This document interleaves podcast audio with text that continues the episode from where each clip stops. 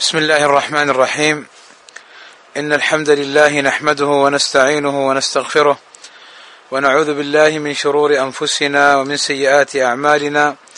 من يهده الله فلا مضل له ومن يضلل فلا هادي له. وأشهد أن لا إله إلا الله وحده لا شريك له وأشهد أن محمدا عبده ورسوله. ألا وإن أصدق الكلام كلام الله وخير الهدى هدى محمد وشر الأمور محدثاتها وكل محدثة بدعة وكل بدعة ضلالة وكل ضلالة في النار. أما بعد فلا زال الحديث مستمرا عن الأصول الثلاثة التي ألفها شيخ الإسلام محمد بن عبد الوهاب رحمه الله تعالى. وكنا قد تدارسنا فيما سبق المسائل الأربعة.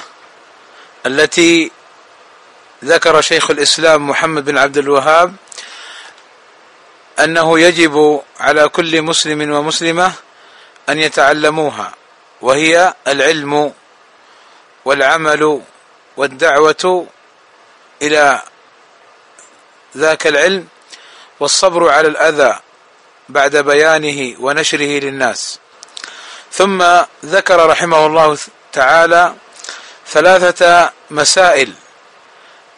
لا بد أيضا أن نتعلمها. وهي المسألة الأولى المتعلقة بتوحيد الربوبية.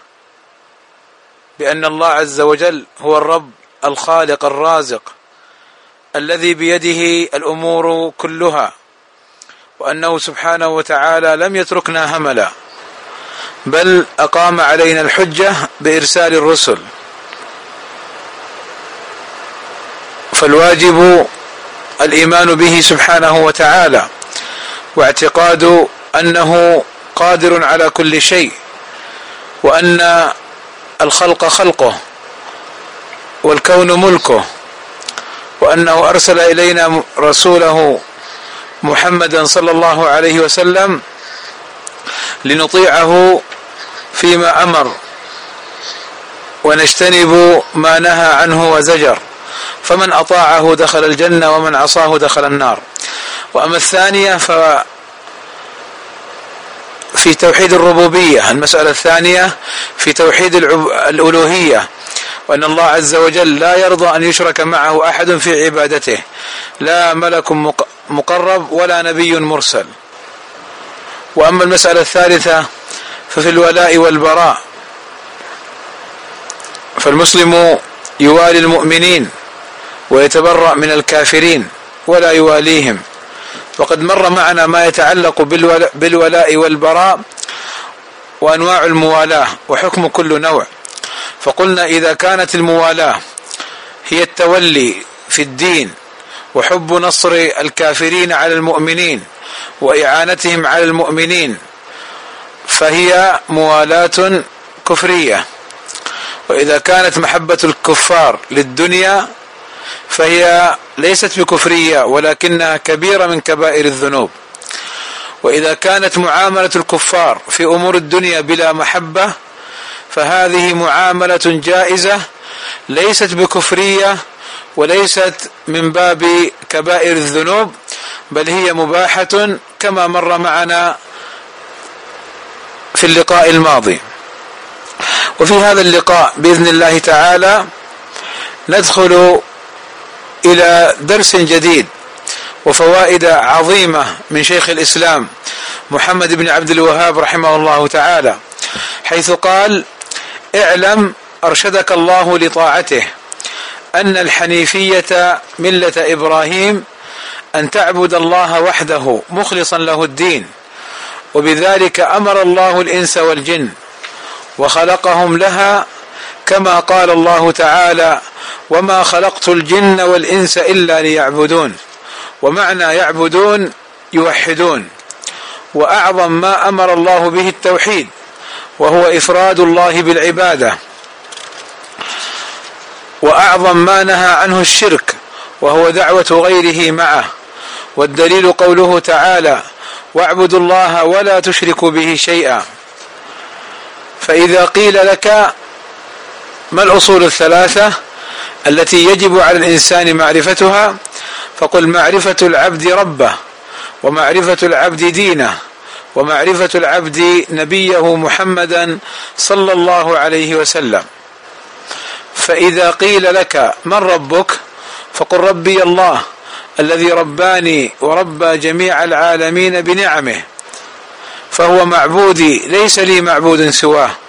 والدليل قوله تعالى الحمد لله رب العالمين وكل ما سوى الله عالم وأنا واحد من ذلك العالم. في هذه الكلمات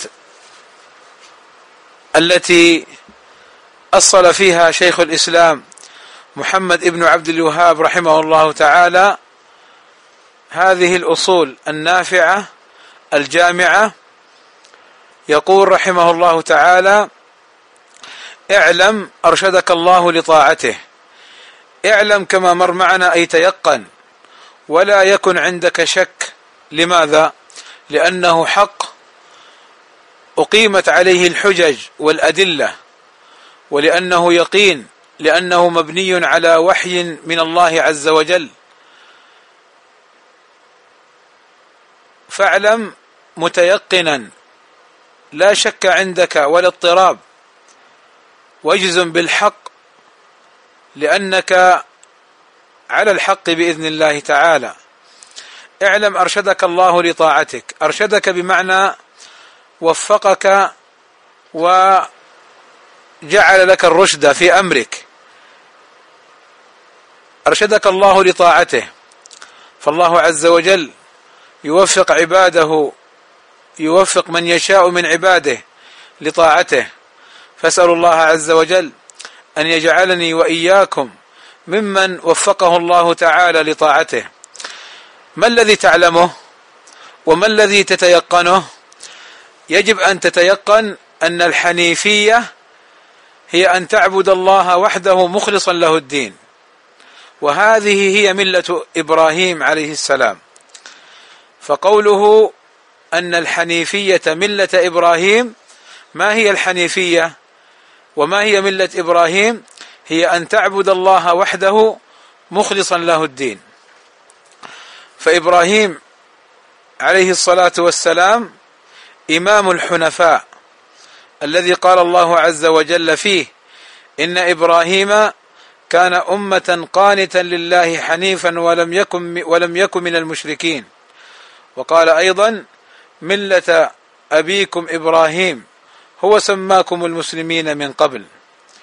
وقال الله عز وجل ثم أوحينا إليك أن اتبع ملة إبراهيم حنيفا وما كان من المشركين.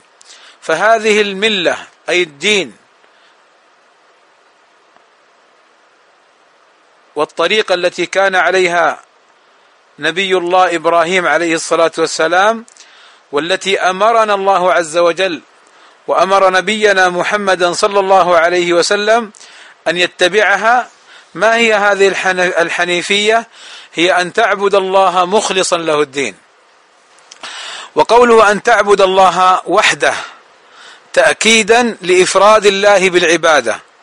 ثم أكده ثم أكده أيضا بقوله مخلصا له الدين أي لا تشرك معه أحد لأن المخلص هو من أفرد الله وحده بالعبادة وهذه هي ملة إبراهيم عليه السلام.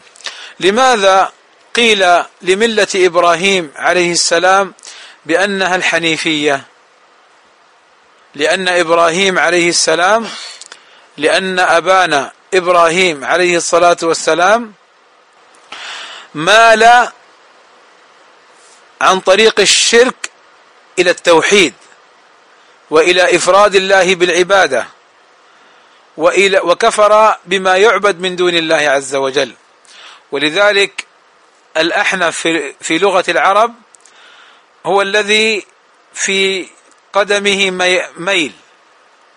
فإبراهيم عليه الصلاة والسلام مال عن ما كان يعبد آباؤه وقومه ما كان يعبد أبوه وقومه من دون الله عز وجل وكفر بما يعبدون من دون الله عز وجل وآمن بالله عز وجل. لذلك ينبغي للمسلم أن ينظر هل هو يعبد الله عز وجل وحده لا شريك له فلا يصرف أي نوع من أنواع العبادة لغير الله عز وجل فهو على ملة أبينا إبراهيم على الحنيفية السمحة التي فيها صرف جميع أنواع العبادة لله عز وجل من دعاء وخوف ورجاء إلى آخره كما سيأتينا إن شاء الله تعالى. قال وبذلك أمر الله الإنس والجن بذلك ما الأمر الذي أمر الله عز وجل به الإنس والجن؟ هو أن نعبد الله مخلصا مخلصين له الدين. قال وبذلك أمر الله الإنس والجن لأنهم مكلفون.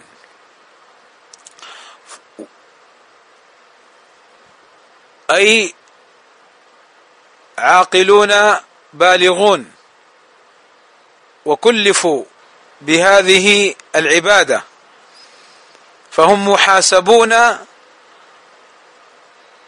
على ما كلفوا به. قال وبذلك أمر الله الإنس والجن وخلقهم لها. قوله خلقهم أي أن الله عز وجل خلق الإنس والجن لعبادته. فمن آمن واتبع الصراط المستقيم نجا ومن كفر وتولى فلا يضر إلا نفسه ويهلك مع الهالكين. لذلك على كل مسلم ومسلمة أن يحرصوا على تحقيق التوحيد على تحقيق عبادة الله وحده لا شريك له لأن الله عز وجل أمرنا بذلك وخلقنا لعبادته. قال المصنف رحمه الله تعالى كما قال الله تعالى وما خلقت الجن والإنس إلا ليعبدون أي والدليل على ما قلت لك من أن الله عز وجل أمر بذلك وخلقنا لعبادته هو قوله تعالى وما خلقت الجن والانس الا ليعبدون. ومعنى يعبدون اي يوحدون أن يفردوني بالعبادة. فلا يصرف أي نوع من أنواع العبادة لغيري. وما خلقت الجن والإنس إلا ليعبدون. فالله هو الذي خلقنا سبحانه وتعالى. فهل يليق بنا؟ وقد خلقنا الله عز وجل. وأوجدنا من العدم أن نصرف أي نوع من أنواع العبادة لغير الله عز وجل نصرفها لمخلوقين أمثالنا أم نصرفها لله عز وجل الذي خلقنا وأوجدنا من العدم؟ قوله إلا ليعبدون. قال ابن عباس أي يوحدون. فجميع العبادات لله عز وجل. كما قال عز شأنه قل إن صلاتي ونسكي ومحياي ومماتي لله رب العالمين لا شريك له وبذلك أمرت. والله أمرنا أيضا بعبادته كما قال عز وجل وما أمروا إلا ليعبدوا الله مخلصين له الدين حنفاء ويقيموا الصلاة ويؤتوا الزكاة وذلك دين القيمة. فبين سبحانه وتعالى أنه أمرنا بعبادته بل ومخلصين له الدين. ما معنى مخلصين له الدين؟ أي لا نصرف أي نوع من العبادة إلا لله عز وجل. وبذلك نكون حنفاء أي نعبد الله عز وجل ولا نشرك به شيئا. ثم قال رحمه الله تعالى وأعظم ما أمر الله به التوحيد وهو إفراد الله بالعبادة. أعظم ما أمر الله به التوحيد. الله عز وجل أرسل رسله وأوحى إلى أنبيائه صلوات ربي وسلامه عليهم أجمعين. واختلفت شرائعهم.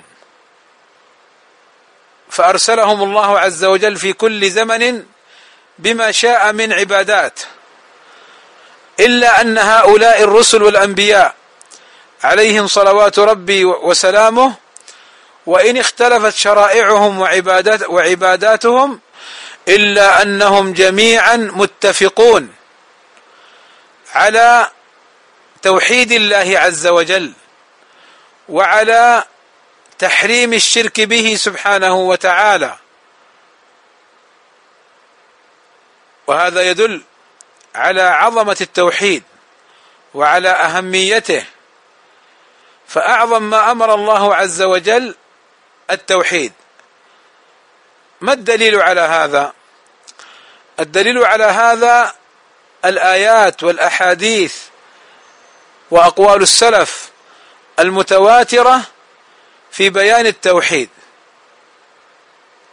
فالتوحيد حق الله على العباد. التوحيد حق الله على العباد. والتوحيد لأجله خلق الله العباد. وما خلقت الجن والإنس إلا ليعبدون أي ليوحدون. والتوحيد هو الأساس الذي تبنى عليه العبادة. فمن صح توحيده صح وقبل منه باقي عمله عمله باقي عمله. ومن فسد توحيده لم يقبل منه سائر عمله. ما الدليل؟ الدليل قوله عز وجل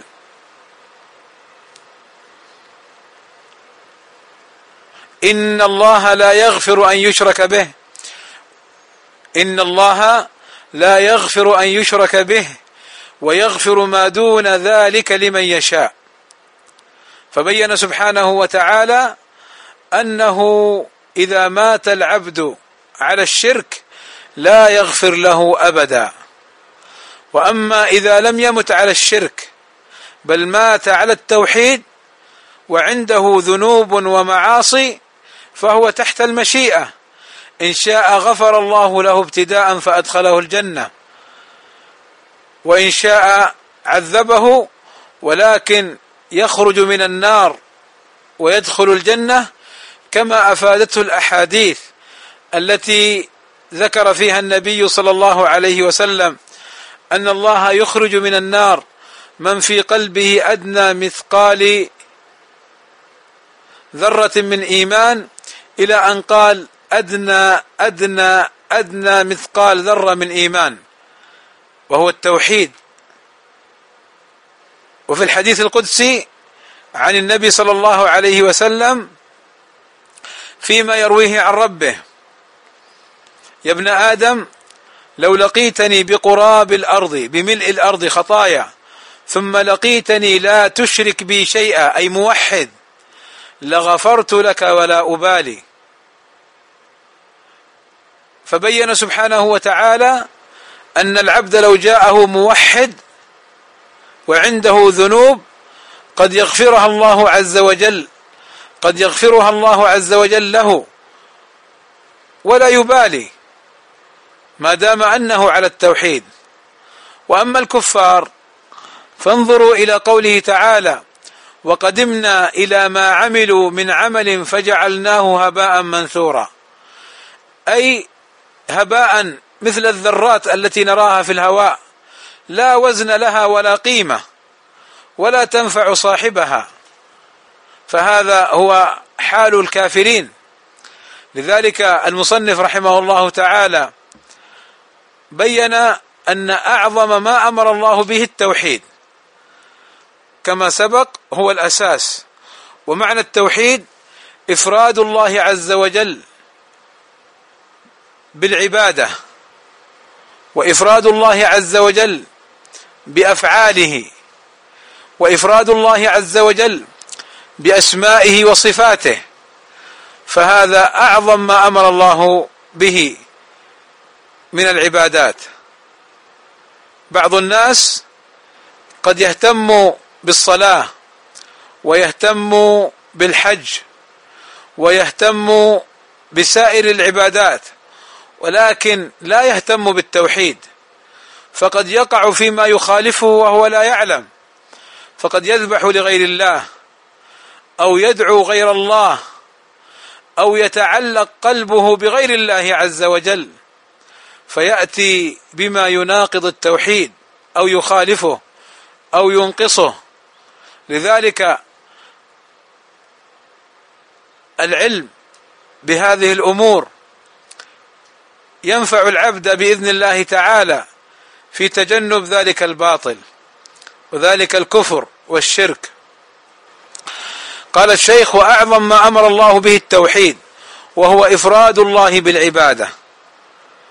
فأي نوع من أنواع العبادة لا تصرف إلا لله وأعظمها الدعاء.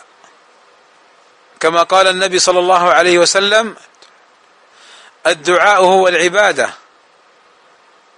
وسيأتي إن شاء الله ذلك. وتأملوا بارك الله فيكم في قول الشيخ وأعظم ما أمر الله به التوحيد. حيث بين أن التوحيد هو أعظم الأمور. فقولوا لي بربكم ما صحة حال أناس يعتبرون التوحيد أنه يفرق الجماعة. وما صحة دعوة أناس يزعمون أن توحيد الله فيه إهانة واحتقار للأولياء وأن توحيد الله عز وجل أمر غير مهم. فلا شك أن هذا كله من تزيين الشيطان وإضلاله لبني الإنسان. فلا بد أن نتيقن وأن نعلم أن التوحيد هو أعظم العبادات التي أمر الله عز وجل بها وأرسل بذلك رسله عليهم الصلاة والسلام. إفراد الله بالعبادة أي لا تشرك به شيئا. ولذلك قال الشيخ رحمه الله وأعظم ما نهى عنه الشرك وهو دعوة غيره معه. دعوة غيره معه فالشرك أعظم ما نهى عنه. قال الله عز وجل يا بني لا تشرك بالله إن الشرك لظلم عظيم. قال الله عز وجل في كتابه أن لقمان قال لابنه يا بني لا تشرك بالله إن الشرك لظلم عظيم. والنبي صلى الله عليه وسلم سئل أي الذنب أعظم؟ فقال أن تجعل لله ندا وهو خلقك. أي الذنب أعظم؟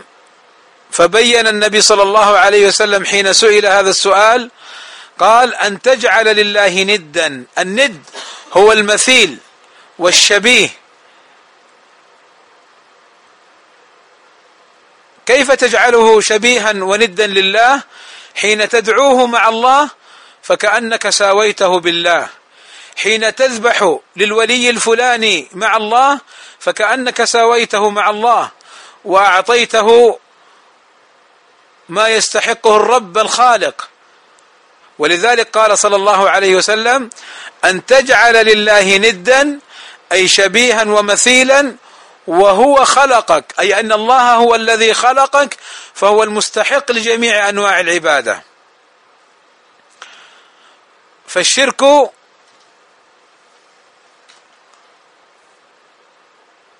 هو أن تصرف أي نوع من أنواع العبادة لغير الله عز وجل.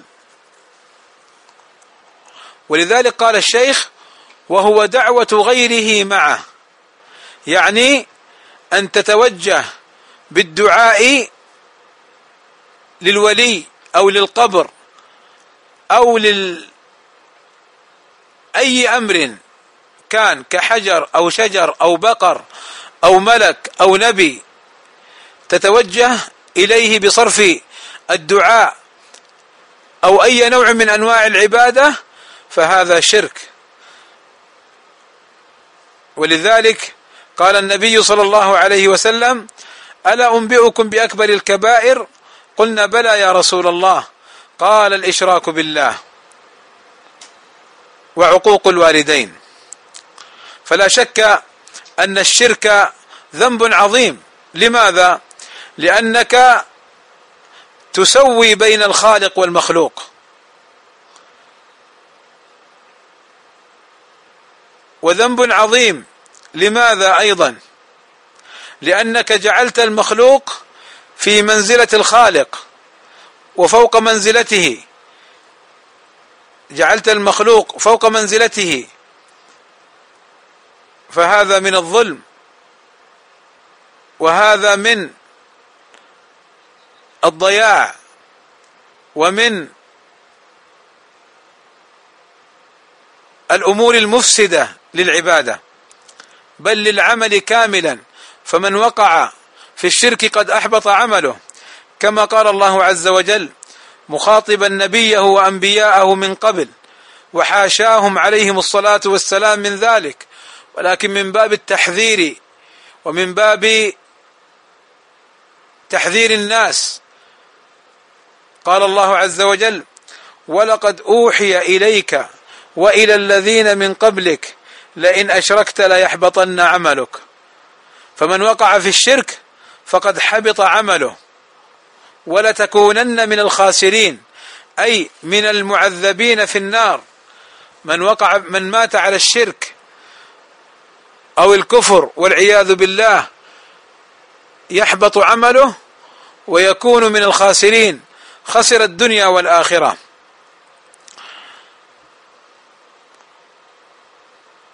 لذلك الواجب على العبد المسلم أن يتوجه إلى الله عز وجل بجميع أنواع العبادة وأن لا يصرف أي نوع منها لغيره سبحانه وتعالى. قال والدليل قوله تعالى واعبدوا الله ولا تشركوا به شيئا. الدليل على ماذا؟ الدليل على أن أعظم ما أمر الله به التوحيد في قوله واعبدوا الله. فهذا أمر أمر من الله عز وجل مخاطبا به الناس أن يعبدوه.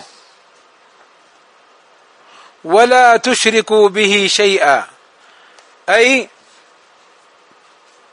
لا تشركوا بالله عز وجل أي أحد كائنا من كان. لأن الله عز وجل قال ولا تشركوا نهانا. نهانا عن ماذا؟ عن أن نشرك به. نشرك به شيئا معين؟ لا إنما قال شيئا أي كل شيء. أي لا نشرك به أي شيء. ففيه تحريم أن نشرك بالله عز وجل أي شيء أو أي أحد كائنا من كان. فهذا أعظم ما أمر الله عز وجل به. وهنا لابد من وقفة سريعة وهي أننا نلحظ أن الله عز وجل يقول واعبدوا الله ولا تشركوا به شيئا. ويقول سبحانه وتعالى إنه من يشرك بالله فقد حرم الله عليه الجنة ومأواه النار. ويقول إن الشرك لظلم عظيم. ما الذي نلحظه؟ نلحظ أن الله عز وجل أمرنا بعبادته. وهذا أمر معلوم. والأمر الملحوظ أنه مع أمره لنا سبحانه وتعالى بعبادته نهانا أن نشرك به. نهانا أن نشرك معه غيره.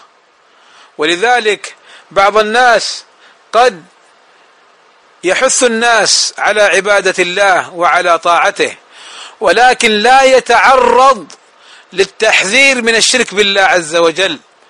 فلا شك أن هذا خطأ لأن الله عز وجل وهو العليم الحكيم. جمع بين الأمرين.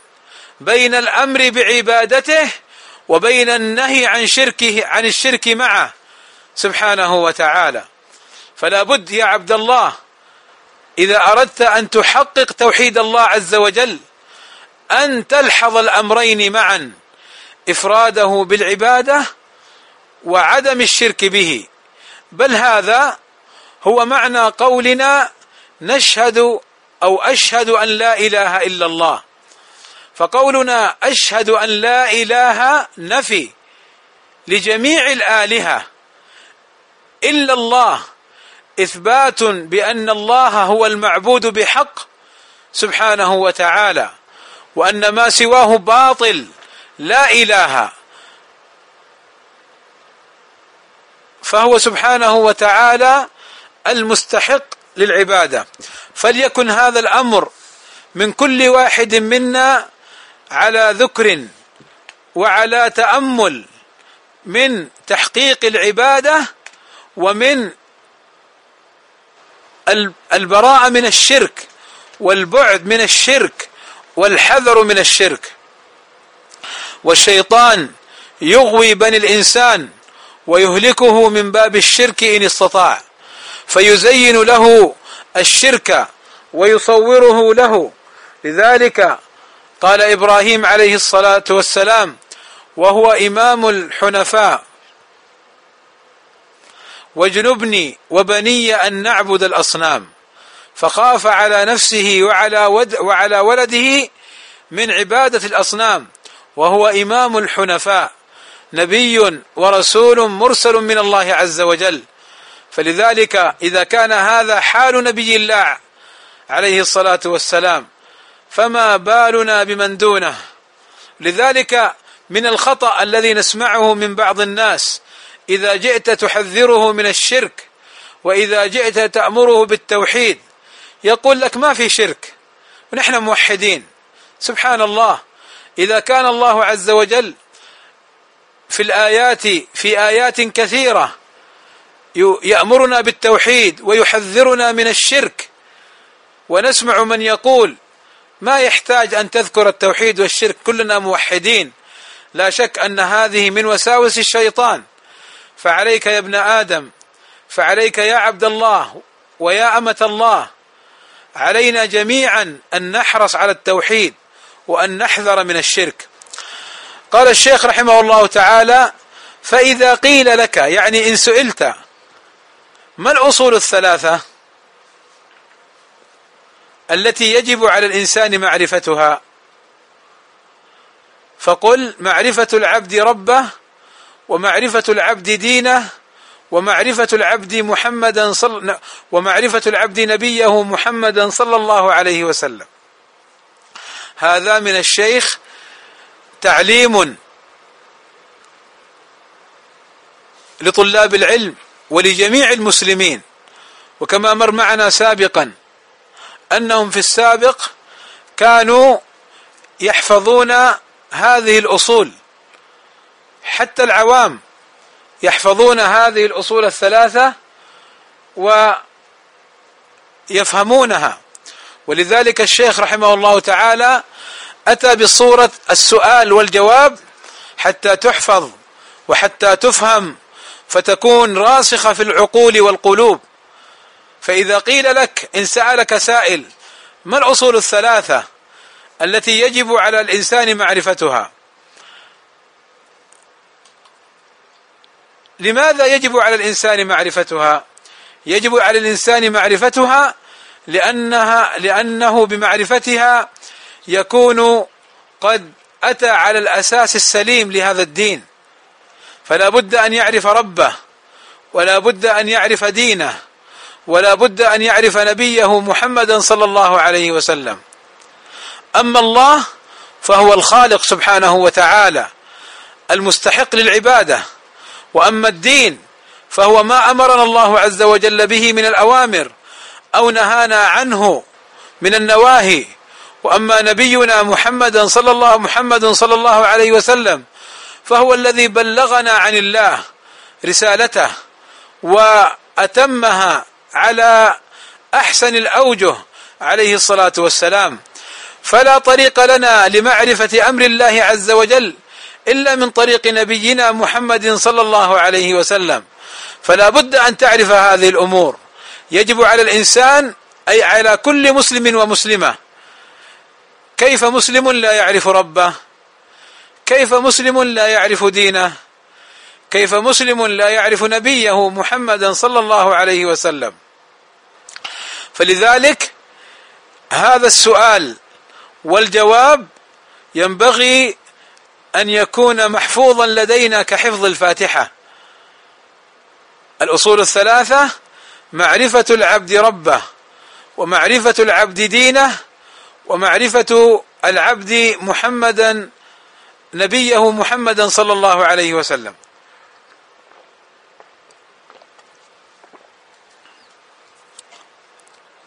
إن هذه المعرفة سيأتي إن شاء الله شيء من تفاصيلها. وليس فقط أن تقول ربي الله ودين الإسلام ونبي محمد فقط. لا بد أيضا أن تتعلم لوازم هذه المعرفة والأمور المتعلقة بهذه المعرفة كما سيأتي إن شاء الله تعالى. فالأصل الأول معرفة العبد ربه. بأنه هو الخالق الرازق المدبر وهذا توحيد الربوبية وأنه المستحق لجميع أنواع العبادة وهذا توحيد الألوهية وأن له أسماء وصفات تليق بجلاله وعظمته وهذا توحيد الأسماء والصفات. وأما الدين وهو الأصل الثاني فلا بد من معرفة أن الله عز وجل أرسل نبينا محمدا صلى الله عليه وسلم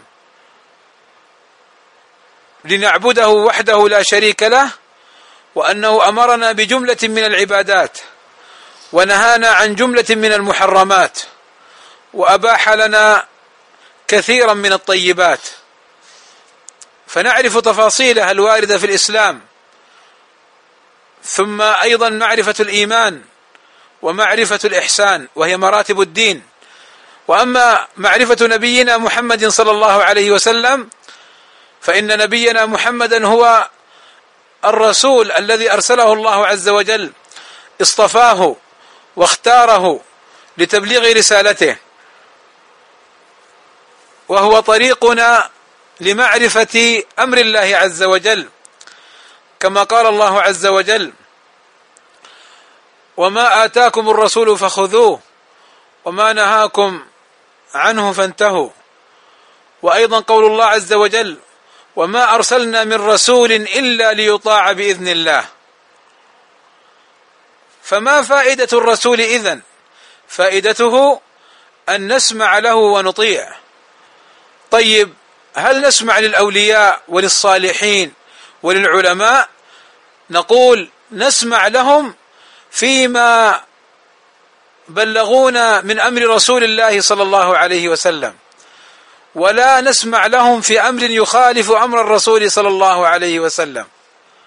فإن الولي لا يستحق اسم الولاية إلا إذا كان متبعا لهدي النبي صلى الله عليه وسلم. وأما إن كان مخالفا متع... وأما إن كان مخالفا متعمدا لأمر الله وما جاء به الرسول أو ظن نفسه أنه فوق النبي عليه الصلاة والسلام فلا شك أنه ولي لكن ليس لله وإنما للشيطان. ولا شك أنه صاحب أعمال ولكن ليست خيرة بل أعمال فجرة أعمال فسق وفجور. نسأل الله عز وجل السلامة والعافية. والشيخ رحمه الله تعالى سيفصل لنا هذه الأصول الثلاثة واحدا تلو الآخر وإنما ذكرها هنا اجمالا.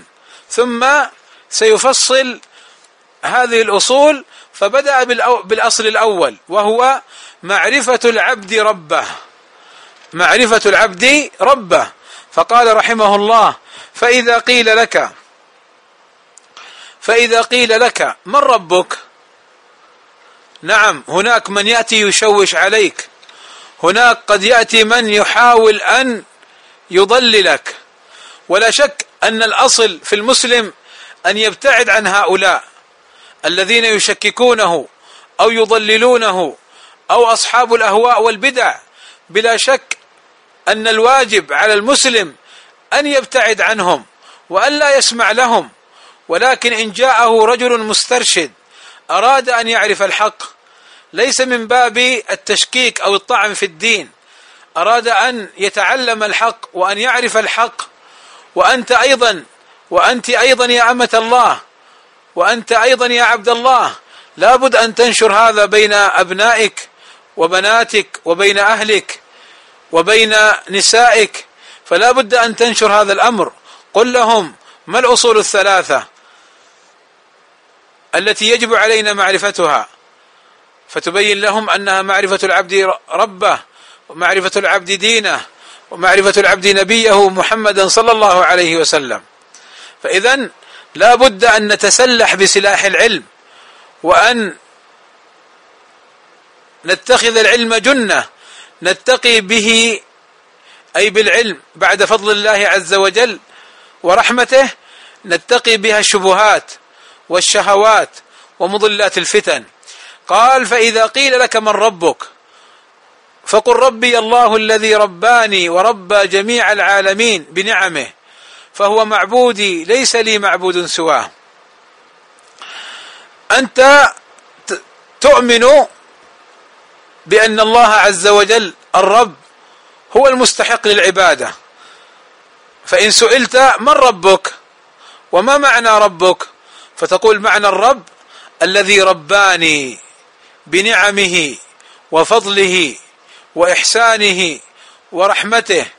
ليس فقط أنا بل ربى جميع العالمين بنعمه سبحانه وتعالى. ولذلك هو المستحق للعبادة فهو الم فهو معبودي. أي أنا أعبد الله لأنه الذي رباني وربى جميع العالمين بنعمه. ليس لي معبود سواه ليس لي رب يستحق العبادة سوى الله عز وجل. لماذا؟ لأن ما سوى الله مخلوق. ما سوى الله فقير إلى الله. ما سوى الله ليس بيده شيء. من من أراد المال فليسأل الله عز وجل. من أراد الولد فليسأل الله عز وجل. من أراد التوفيق والسداد في الحياة في الدنيا والآخرة. فليسأل الله عز وجل. لماذا؟ لأن هذه الأمور كلها وغيرها هي بيد الله عز وجل وحده. ومن سواه ليس بيده شيء.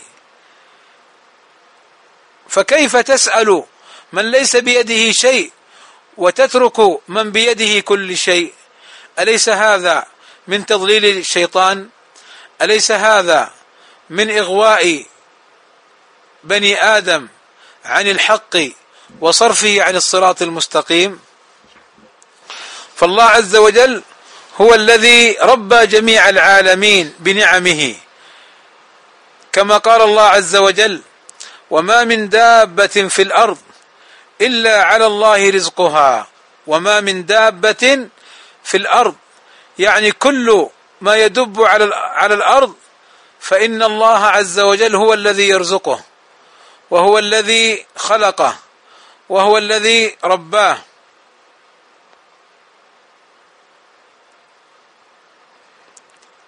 فالله عز وجل كما يقول شيخ الإسلام ابن تيمية رحمه الله تعالى الرب هو المربي الخالق الرازق الناصر الهادي. وهذا الاسم أحق باسم الاستعانة والمسألة.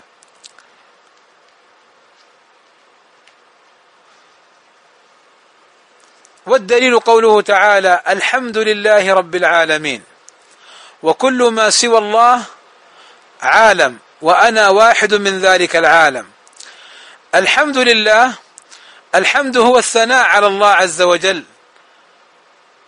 المستحق لهذا الثناء فهو سبحانه وتعالى المحمود مع المحبة والتعظيم.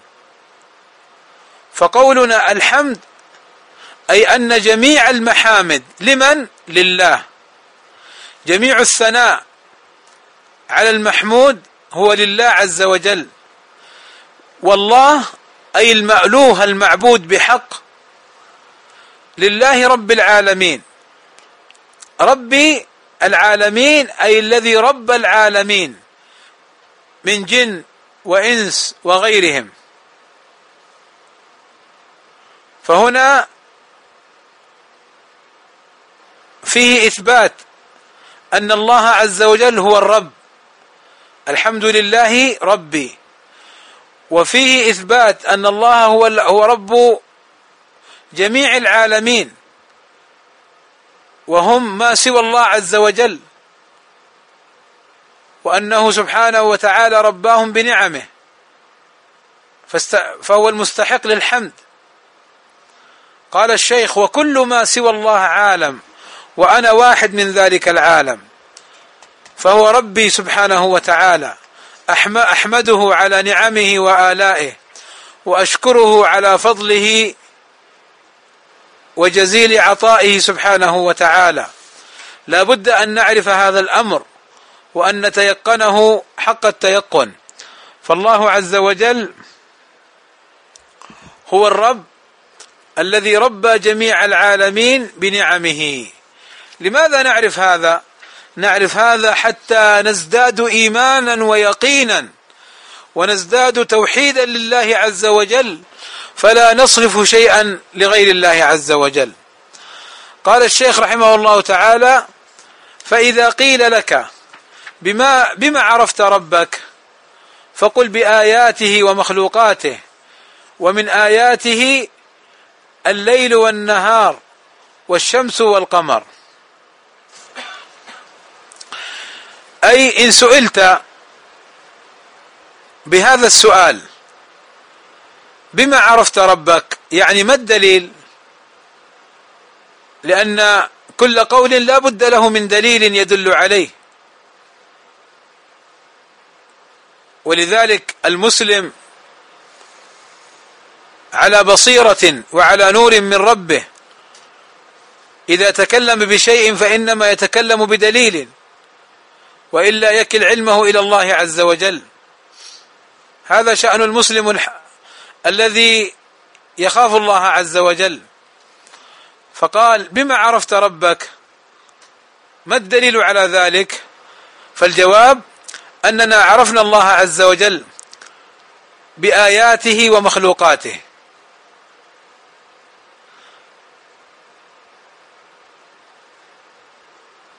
ومعنى آياته أي علاماته والآية هي العلامة. فهناك علامات جعلها الله عز وجل دليلا على وحدانيته وتفرده سبحانه وتعالى بالربوبية التي أعني الربوبية التي تتضمن استحقاقه سبحانه وتعالى بالألوهية أي بعبادته سبحانه وتعالى. عرفته بآياته وأيضا عرفته بمخلوقاته. أي بمخلوقات الله عز وجل العظيمة مثل السماوات السبع والأراضون السبع وآياته مثل الليل والنهار. والشمس والقمر. كما ذكر الشيخ رحمه الله تعالى. وآياته من مخلوقاته. وإنما أفردها تخصيصا لها لعظيم شأنها وعظيم أمرها ولأنه كذلك جاء في الدليل كما سيأتي إن شاء الله تعالى. فهذه الشمس والقمر وهذه المخلوقات من السماوات السبع والأراضون السبع وما فيهن وما بينهما هي من مخلوقات الله عز وجل وهي دالة على أن الله عز وجل هو الرب الخالق لها عز شأنه. ما الدليل؟ قال والدليل قوله تعالى ومن آياته الليل والنهار والشمس والقمر. فهنا وصف الله عز وجل الليل والنهار والشمس والقمر بأنهن من آياته. بأنهن من آياته. قال لا تسجدوا للشمس والقمر. واسجدوا لله الذي خلقهن إن كنتم إياه تعبدون. يعني أن الشمس والقمر من آيات الله عز وجل. الدالة على استحقاقه سبحانه وتعالى للعبادة.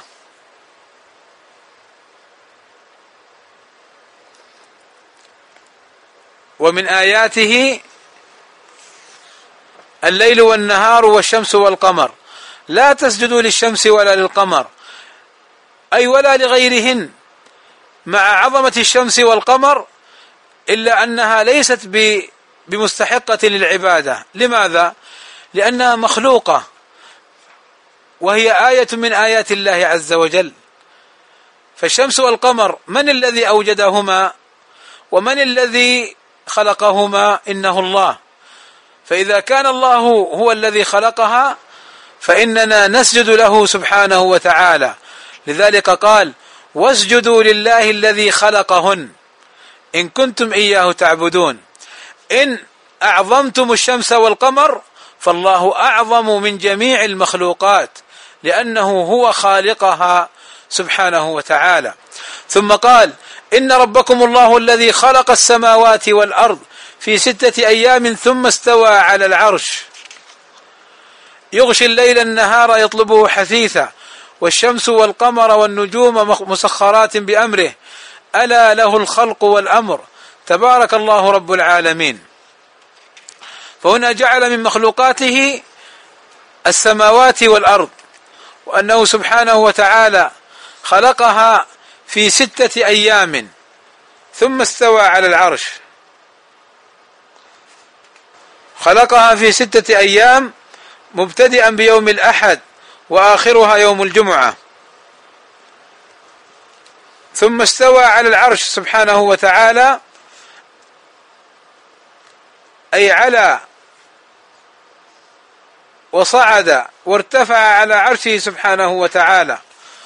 وصفة الاستواء نؤمن بها على ما يليق لله عز وجل. من غير تمثيل ولا تكييف ولا تعطيل ولا تحريف. ثم قال يغشي الليل النهار. أي أنه سبحانه وتعالى جعل الليل يغطي النهار بظلمته وجعل النهار يكشف ظلمة الليل يطلبه حثيثا أي كأنهما يجريان ويتسابقان يخلف أحدهم أحدهما الآخر.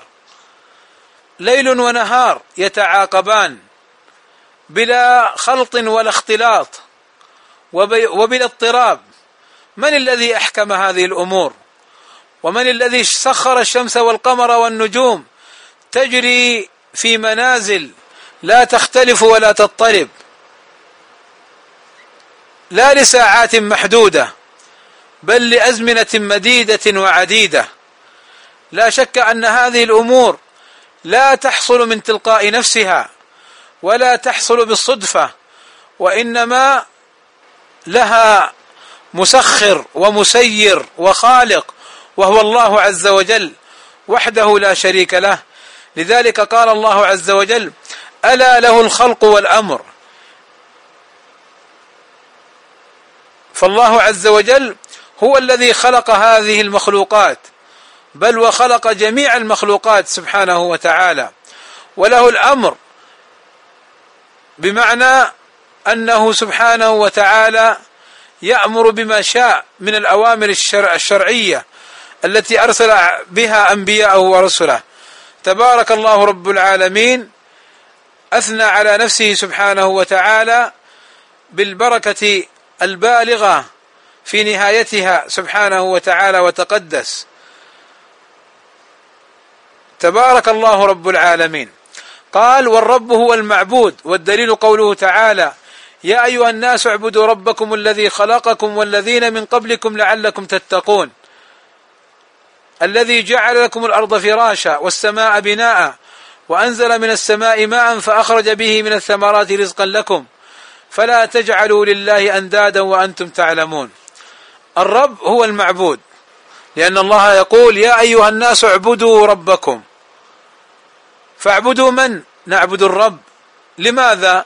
لأنه هو الذي خلقنا وخلق الذين من قبلنا وهو الذي جعل لنا الأرض فراشا مهدا وسهلا ويسر لنا العيش فيها وذلل لنا صعابها وطرقها سبحانه وتعالى. إذ لو كانت الأرض كلها جبال وكانت الأرض كلها معوجة لما استطاع الناس أن يستفيدوا منها ولكنه سبحانه وتعالى دحاها فأخرج منها ماءها ومرعاها والسماء بناها فجعلها سقفا فوق هذه الأرض سقفا بلا أعمدة بلا أعمدة ترى. من الذي أمسك هذه السماء؟ من الذي لم يجعل فيها عوجا ولا تشقق ولا اضطراب في الخلقة بل هي من أحكم ما يكون. والسماء بناء وأنزل من السماء ماء فأخرج به من الثمرات رزقا لكم. أنزل المطر من السماء من السحب التي اجتمعت فيه فيه فيها المياه. فسقطت على الأرض ونزلت على على الأرض فأخرج به أي بالماء. من الثمرات رزقا لكم. أنبتت الأرض الكلأ والعشب واستفاد الناس وأكلت البهائم واخضرت الأرض وأصبحت جميلة. بعد نزول المطر وخروج الثمر هذه كلها نعم من الله عز وجل. أنهار جارية فيها من من اللحوم والأسماك ومن الثمرات والخيرات وأرض خضراء وأرض يستفيدون منها وينتفعون بها. من الذي سخر كل هذه الأمور؟ هو الله عز وجل. فلذلك الله عز وجل خطب خاطب جميع الناس بقوله يا أيها الناس جميع الناس مؤمنهم وكافرهم. أما المؤمن فيزداد إيمانا وأما الكافر فإن الواجب عليه أن يعبد الله عز وجل لأنه هو الذي خلقه وخلق الذين من قبله وهو الذي أنعم عليه بهذه النعم. فقال فلا تجعلوا لله أندادا أي أمثالا وأشباها.